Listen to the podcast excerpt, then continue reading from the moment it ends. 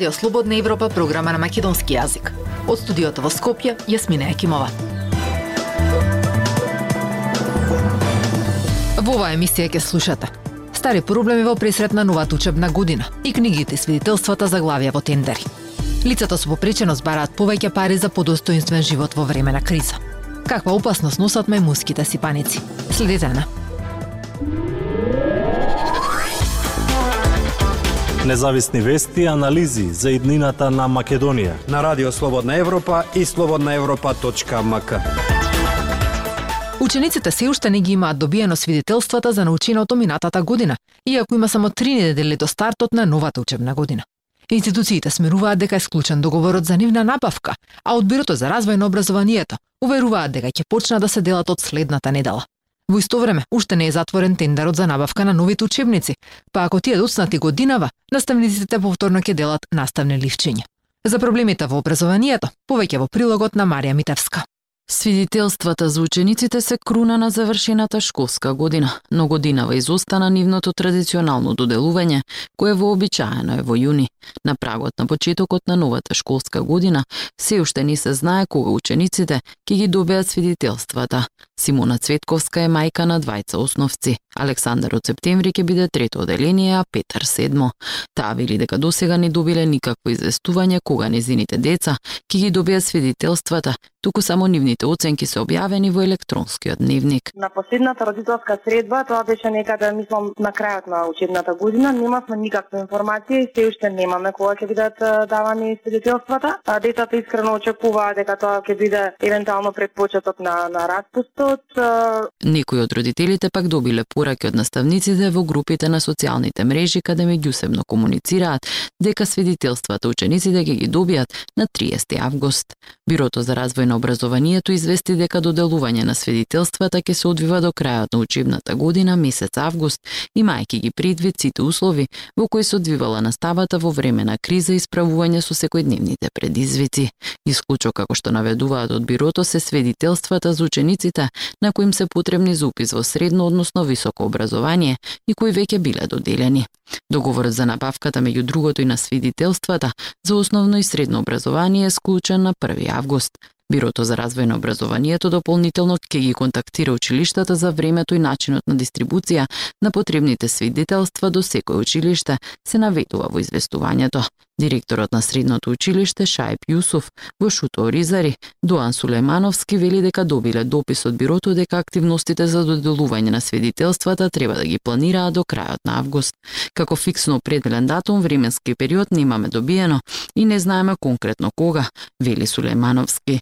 Крајниот рок за тендерот за набавка пак на учебниците од основно и средно образование на 12 август. Тоа значи дека додека се подпише договор со најповолниот понудувач, ќе останат две недели до почетокот на школската година за обезбедување на учебниците. Ако имаме ситуација каде печатаните учебници ќе задоцнуват, ние ќе имаме печатани материјали кои ќе се подготвителни материјали кои ќе се дел од тие учебници за првото три месеци од новата учебна година. Изјави министерот за образование Јетон Шакири.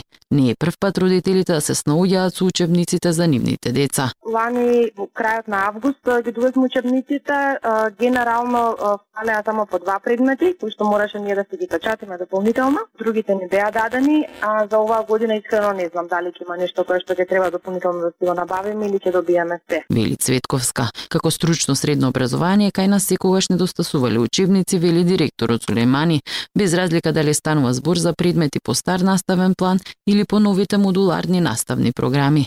За над 80% од предметите се користат учебници по стари наставни планови и програми, а нови учебници немаме, посочува Сулеймани. Дајте ни 15 минути и ние ќе ви го дадеме светот. слободнаевропа.мк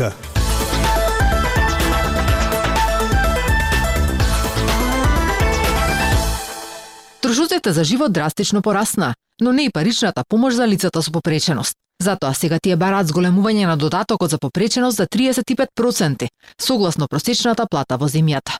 Велат дека се разочарани, бидејќи парите не стигнуваат за основните работи, а нивните протести не вродуваат со плод. Повеќе во прилогот на Марија Тумановска. Цела година од како лицата со попреченост излегува на улица и гласно ги кажаа своите барања за подобар живот, поголемиот дел од нив не се исполнети. Додатокот на попреченост остана ист како и пред една година, а во меѓувреме трошоците за живот се зголемија. Сега од коалицијата менуваме бараат покачување на додатокот на попреченост и посебниот детски додаток за 35% согласно просечната плата. Од државата добива додаток за попреченост од 6200 денари, а личниот асистент за детето во летните три месеци е на товар на домашниот буџет. Таа раскажува дека е речиси невозможно да се помине месецот со толку мали примања.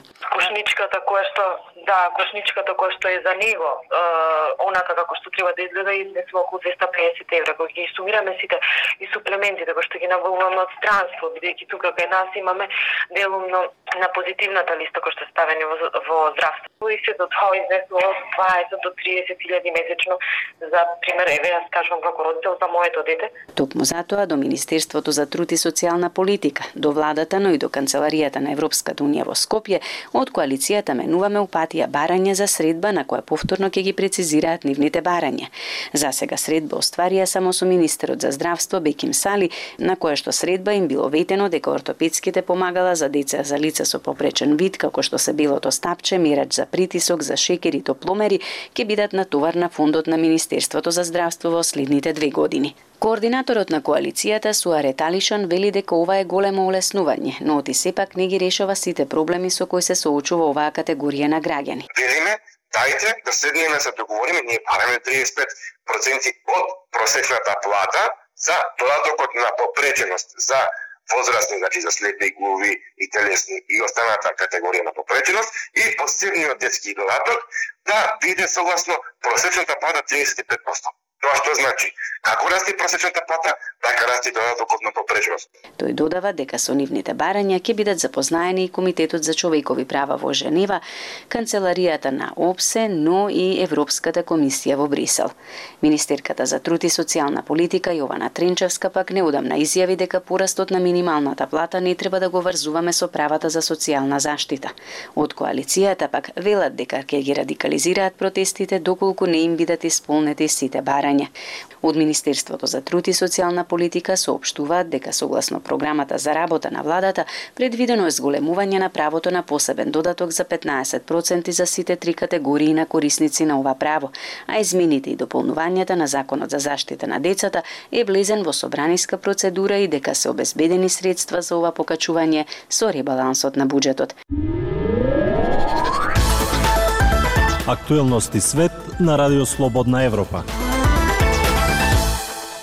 Епидемијата на мајмунски сипаници што брзо се шири представува глобална здравствена вонредна состојба, највисокото ниво на тревога на Светската здравствена организација, изјави деновиве генералниот директор на СЗ. Болеста од Африка се расшири низ Европа, а потврдени случаи има во скоро сите земји во регионот.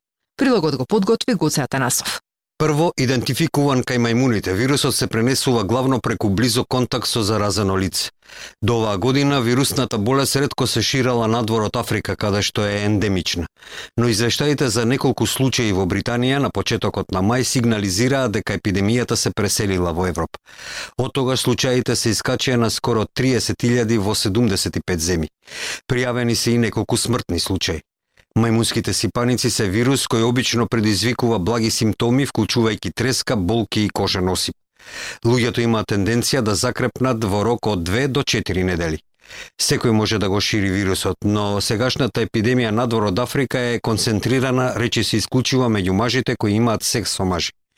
Мајмунските сипаници се шират првенствено преку интимен контакт, кожа со кожа, обично со некој кој има активен осип, како и преку контакт со контаминирана облека или постелнина не се пренесува толку лесно како коронавирусот. COVID-19 се шири по респираторен пат и е многу заразен. Се чини дека тоа не е случај со мајмунските сипаници, вели доктор Мартин Хирш од Обштата болница во Масачусетс. Ризикот од мајмунски сипаници е умерен на глобално ниво, освен во Европа, каде што Светската здравствена организација смета дека ризикот е висок. Декларацијата за ворена состојба има за цел да потикне глобална акција и соработка, од тестирање до производство и дистрибуција на вакцини и третмани. Стапката на смртност во предходните епидемии на мајмунските сипаници во Африка, на сојот што моментално се шири, е околу 1 на 100. Но досега оваа епидемија се чини дека е помалку смртоносна во неендемичните земји. Научниците се обидуваат да утврдат што ја предизвикало почетната серија случаи и дали нешто во врска со вирусот се променило. Зголемените глобални патувања, како и климатските промени, генерално ја забрзаа појавата и ширењето на вирусите, велат експертите. Експертите за заразни болести додаваат дека долгогодишното финансиско запоставување ги оставило клиниките за сексуално здравје, кои се на првата линија на тековната реакција на мајмунски сипаници, лошо подготвени да го спречат понатамошното ширење. Здравствените власти велат дека луѓето треба да избегнуваат близок личен контакт со некој кој има болест која се манифестира со карактеристичен осип. Луѓето кои се сомневаат дека имаат мајмунски сипаници треба да се изолираат и да побараат медицинска помош.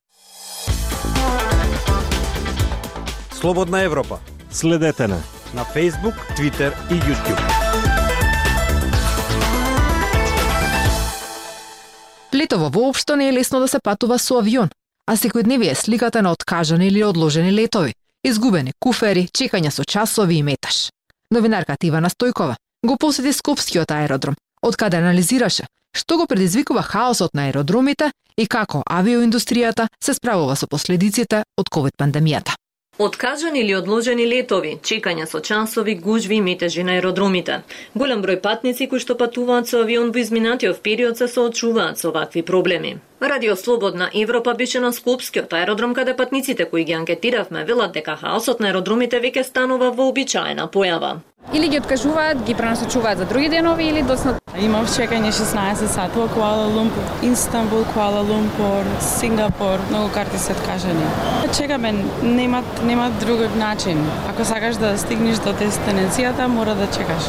Почетокот на јули, тој мораше со автобусот Берлин за Меминген да вози 10 цели сати и потоа леташе од Меминген за Охрид. It's never like on point. Никогаш не е на време. Например, другарка ми мораше да чека 4 часа во аеродромот во Берлин. Од ТАФ Македонија велат дека доцнењата и откажувањата на летовите се поради проблемите на европските аеродроми, каде што е концентриран над 70% од македонскиот авиосообраќај. We do not have any delays related to, to Skopje Airport. Прво би сакал да разјаснам дека доцнењата и откажувањата на летовите што се случуваат на меѓународниот аеродром Скопје и воопшто на македонските аеродроми се одлука на авиокомпаниите. Според оно што ние го добиваме како информација од нив, доцнењата и откажувањата се случуваат од различни причини, причини, кои некогаш може да бидат и оперативни или пак поради неповолни временски услови. Вели Неджат Курд, заменик генерален директор на ТАФ Македонија.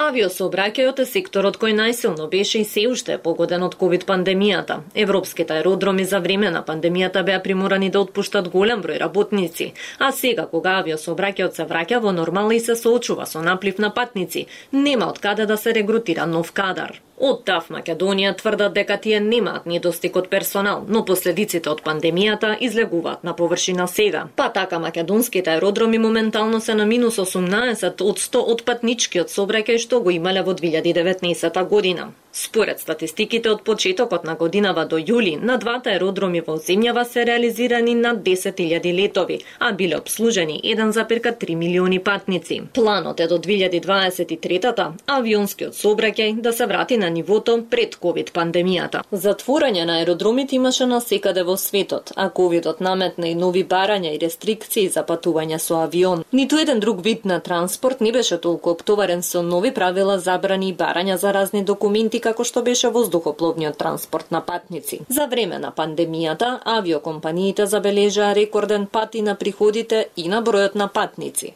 Според проценките на Меѓународната асоциација за авиотранспорт, загубите за авиокомпаниите поради корона кризата ќе бидат највисоки во историјата на авиацијата. И покрај постепеното воспоставување на авионските линии, очекувањата на асоциацијата се дека ќе бидат потребни неколку години за состојбите во авиосообраќајот да дојдат на нивото пред пандемијата со ковид. Тоа беше се што ви подготвивме за оваа емисија. Од студиото во Скопје со вас беа Јасмина Екимова и Дејан Балаловски. До слушање.